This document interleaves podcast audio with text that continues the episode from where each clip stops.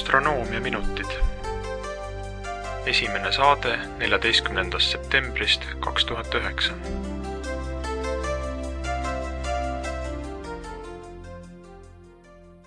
head astronoomiahuvilised, tere tulemast kuulama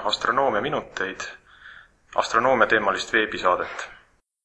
meie eesmärgiks on anda kaks korda kuus ülevaade sellest, mis tähistaevas huvitavat näha on mina olen Taavi Tuvikene ja minuga koos on Tõnis Eenmäe. tere, Tõnis! tere, Taavi!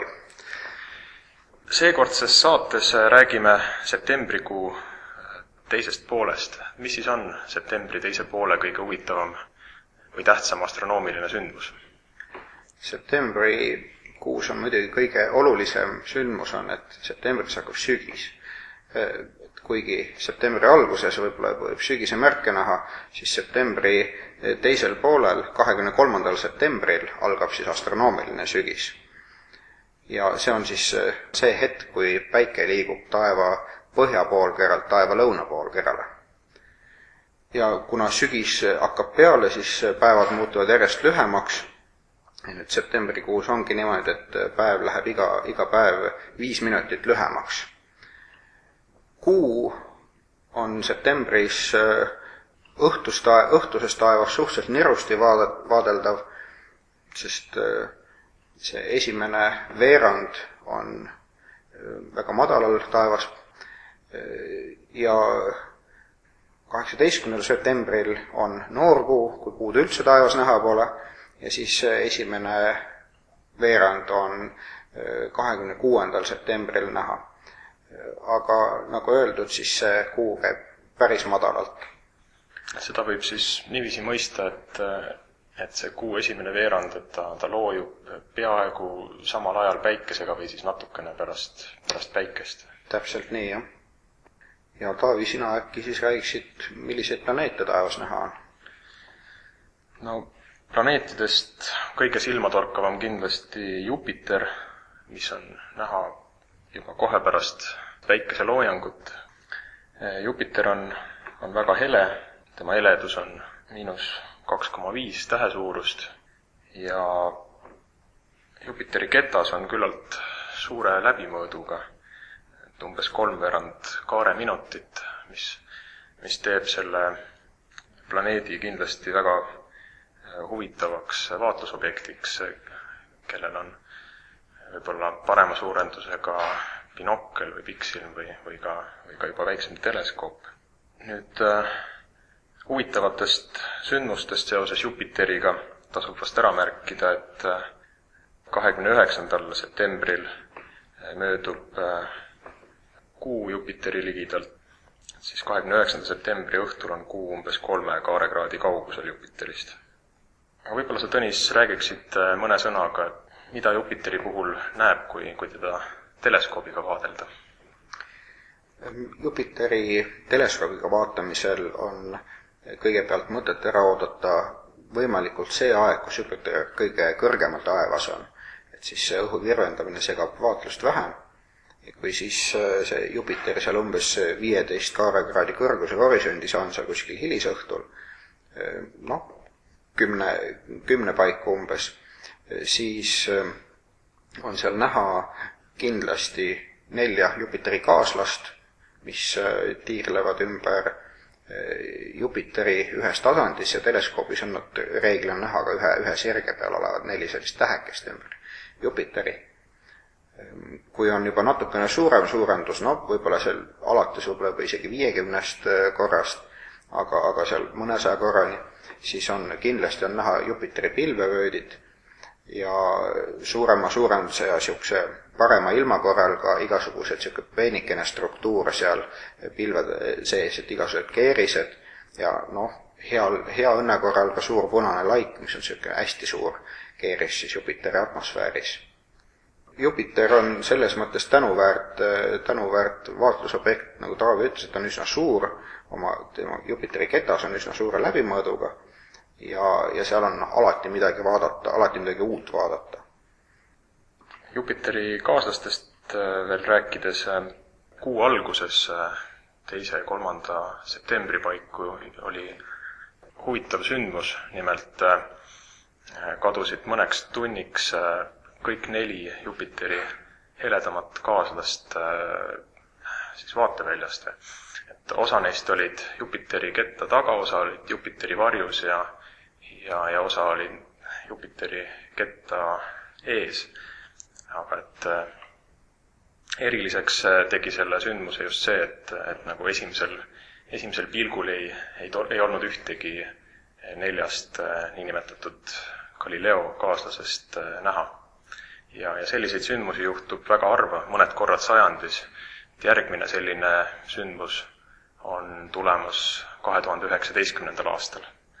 Et kui, kui see, seekord nägid seda sündmust ainult äh, siis lääne poolkera elanikud, siis loodame, et järgmine kord on meil rohkem õnne Jupiteri ligidal on, on planeet Neptuun.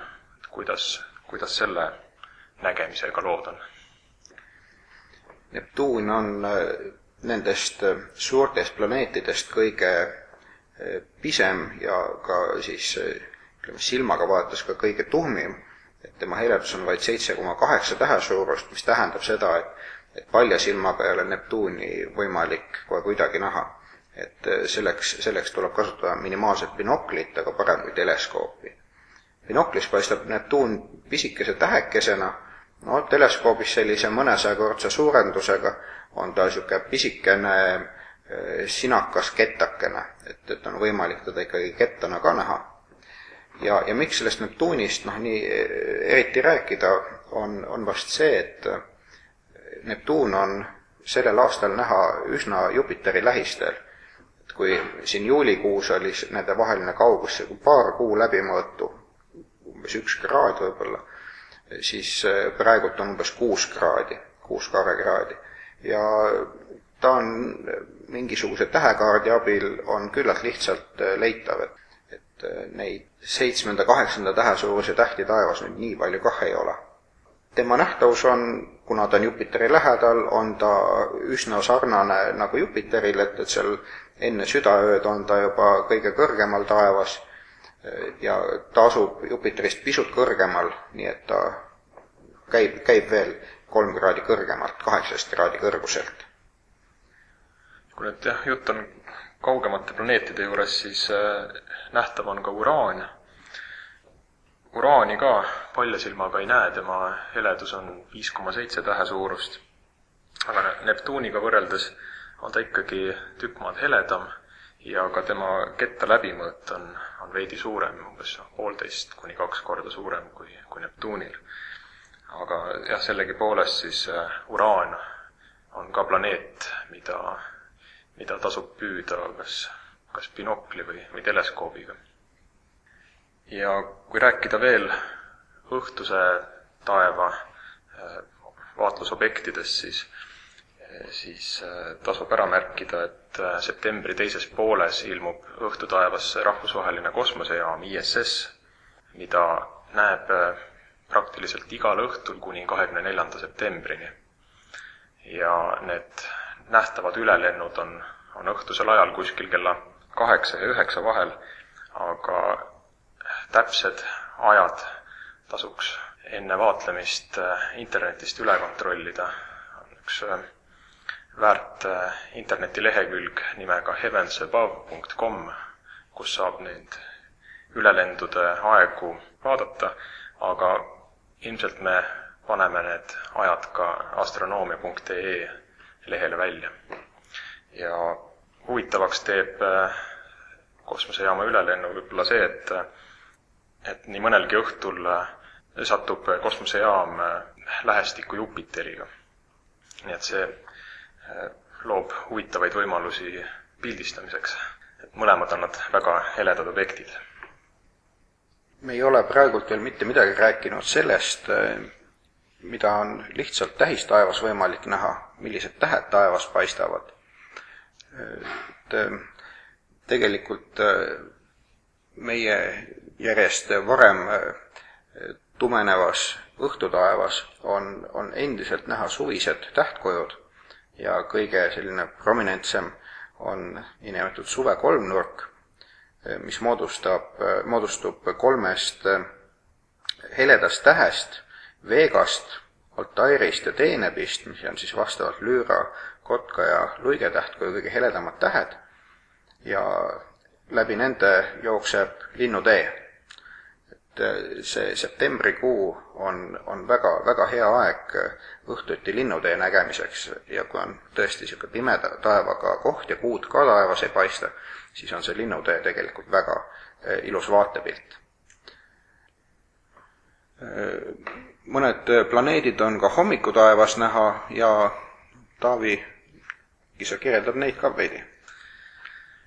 kõigepealt äh, umbes südaöö paiku tõuseb taevasse Marss.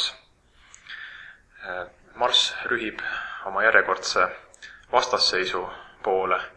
vastasseis on siis see, kui Maa ja Marss on oma lähimas asendis vastasseisuni on küll veel aega, nii et äh, Marsi vaatlustingimused aina paranevad nüüd sügise jooksul, aga septembri teises pooles on ta juba täiesti vaadeldav, ta on kaksiku tähtkujus, kaksikute tähtkujus. heledus on veidi suurem kui, kui esimene tähe suurus, siis null koma kaheksa, null koma üheksa tähe suurust, aga kuna Marss on siiski veel Maast küllalt kaugel, siis, siis ketta läbimõõt on, kuue ja seitsme kaaresekundi vahel, nii et äh, teleskoobis jääb ta ka veel üsna selliseks kehvakeseks objektiks, vähemalt kui siin võrrelda õhtul nähtava Jupiteriga. hommikupoole ööd ilmub äh, taevasse planeet Veenus, mis on äh, väga hele. Äh, Veenuse heledus on kuskil miinus kolm koma kaheksa, miinus kolm koma üheksa tähe suurust, mis teeb temast kõige heledama objekti Päikese ja Kuu järel. ja kuna Veenus on nüüd septembri teises pooles nähtav hommikuti enne päikese tõusu, siis äh, väärib ta ka nime Koidu täht. nüüd äh, mida Veenusel binokli või, või teleskoobiga näha oleks? Äh, kuna tel-, äh, see Veenus äh, kaugeneb maast, ta läheb päikese taha meie jaoks aegapidi, siis on, Veenus paistab teleskoobis ja suurema suurendusega binoklis sellise vana kuu moodi, noh, sirp ei ole võib-olla õige öelda, aga, aga selline kergelt lapiku kettakesena ja, ja mida aeg edasi, seda ümmargusemaks see Veenus siis muutub. nüüd kui oli Marsist juttu, et tema läbimõõt on seal kuskil kuue ja seitsme kaaresekundi vahel, siis, siis Veenuse läbimõõt on umbes kaks korda suurem, veidi vähem kui kaks korda suurem. Veenusel on üks ähm, huvitav selline ühendus ka, ta on ühe heleda tähe lähedal. see on lõvitäht kui kõige heledam täht Regulus ja ta jääb sellest äh, neljakümne kaareminuti kaugusele kahekümnendal septembril. nii et kes, kes tahab äh, aimu saada, kus kohas on lõvitähtkuju, otsige üles Veenus ja te olete õigel teel. nii et kahekümnendal septembril on, on hea põhjus ennast varakult välja ajada, siis varastel hommikutundidel näeb seda, seda sündmust üks, üks sündmus veel, mida Veenuse puhul tasub ära mainida, on see, et kuueteistkümnenda septembri hommikul, see on siis neli päeva varem, läheb Veenuse juurest ligidalt mööda kuu, et kuueteistkümnenda septembri hommikul on, on niisugune õhukene vana kuusirp kuskil seitsme-kaheksa kaarekraadi kaugusel. moodustab ka sellise huvitava fotogeenilise paari taevas et me ei ole rääkinud veel kahest planeedist, nendeks on Saturn ja Merkuur. ja põhjus, miks me ei ole neist siiani rääkinud, on see, et need kaks planeeti ei ole septembri teises pooles eriti hästi vaadeldavad, õigupoolest Saturn, Saturni septembris ei näegi. ja põhjus, põhjus on jah selles, et äh, mõlemad planeedid mööduvad maalt vaadates Päikesest. Saturnil on ülemine ühendus Päikesega seitsmeteistkümnendal septembril, see tähendab, et Päike jääb siis Maa ja Saturni vahele ja Merkuuril on alumine ühendus Päikesega kahekümnendal septembril, see tähendab, et Merkuur läheb Maa ja Päikese vahelt läbi, aga et mõlemal juhul varjab Päike siis need planeedid meie eest sellest, et Saturni nüüd septembris äh, näha ei ole, on, on natukene kahju, sest äh, praegu on äh, Saturn mõnevõrra unikaalses asendis, nimelt Saturni rõngad on, on maa suunas serviti. täpselt serviti olid nad nelja, neljandal septembril, aga ka nüüd kuu teises pooles ei ole Saturni asend eriti palju muutunud, nii et kui, kui me Saturni saaksime vaadata, siis me näeksime ikkagi peaaegu ilma rõngata Saturni. nii et noh, sellest on, on kahju, et teda praegu näha ei ole. juba järgmisel kuul võiks äh, Saturn ilmuda hommikutaevasse nähtavale. nüüd Merkuur liigub Saturnist kiiremini ja on mõningane lootus äh, veel septembri lõpus Merkuuri näha. äkki sa, Tõnis, räägiksid kuidas Merkuuri taevast üles leiab? Merkuuri leiab ähm, taevast äh, tõenäoliselt septembri viimastel päevadel äh, üles ja eeskätt binokliga. et võib-olla, kui on väga selge ilm ja, ja väga hea silmanägemine, äh, siis, siis on Merkuur näha sellise mitte kõige tuhmima tähekesena kuskil seal Koidiku taevas, ja üsna heaks orientiiriks, ma arvan, võiks olla, et kui seda päikese, kus on näha, et juba taevas on see kõige heledam, kust päike tõusma hakkab, ühendada siis seda, seda punkti Veenusega. et kusagil selle sirge peal, väga madalal taevas, on, on näha äh, Merkuur. ja äh, Merkuur äh, tõuseb kolmveerand kuu ajal, kolmekümnendal septembril, ja päike tõuseb samal ajal veerand kaheksa ajal tund aega enne päikesetõusu eh, on eh, Merkuuri kõrgus eh, neli kraadi horisondist, mida ei olegi nii vähe. aga noh, kindlasti binokliga on ta leitav sellise küllalt heleda tähekesena selles piirkonnas. nii, sellega oleme teinud nüüd ülevaate sellest, mida, mida taevas näha on, aga septembri teine pool toob ka mõningaid astronoomilisi sündmusi, maiseid sündmusi, üritusi. kahekümne viiendal septembril korraldab Teaduskeskus Ahhaa teadlaste öö, see on siis järjekorras neljas, mille raames toimuvad mõned vaatlusõhtud. kõigepealt siis kahekümne viienda septembri õhtul kella kaheksast üheteistkümneni on vaatlusõhtu Tõraveres suures teleskoobitornis. põhiliseks vaatlusobjektiks on ilmselt Jupiter. ja samal ajal on avatud ka stellaariumi ruumid, kus saab vaadata planetaariumi programmiga Starry Night tähistaeva liikumist ja saab oma käega katsuda eh, raudmeteoriidi tükki. ja samal ajal on vaatlusõhtu ka Tartu Ülikooli ajaloomuuseumi tornis, see on ka siis kella kaheksast üheteistkümneni, et sinna pannakse üles väike teisaldatav teleskoop. ja jätkub ka äh, arvutijoonistuste võistlus, mida korraldavad ühiselt ENET ja Tartu Observatoorium. Äh, võistluse teemade ja, ja, ja tingimuste kohta leiab rohkem infot äh, internetist aadressil joonistaja.enet.ee selle, sellel võistlusel osalemiseks on aega viieteistkümnenda novembrini. nii et äh, aega veel äh, mõelda, millest joonistada, aega joonistada ja aega oma töid esitada. sellega on meie esimene veebisaade Astronoomia minutid lõppemas. me täname kuulamast, mina soovin omalt poolt selget taevast ja kui teil on huvi jooksvamalt taevas nähtavaga kursis olla, siis külastage www.astronoomia.ee veebilehte, kus on nii ürituste kalender kui ka palju viiteid erinevatele huvitavatele allikatele. selgeid öid teile minu pooltki.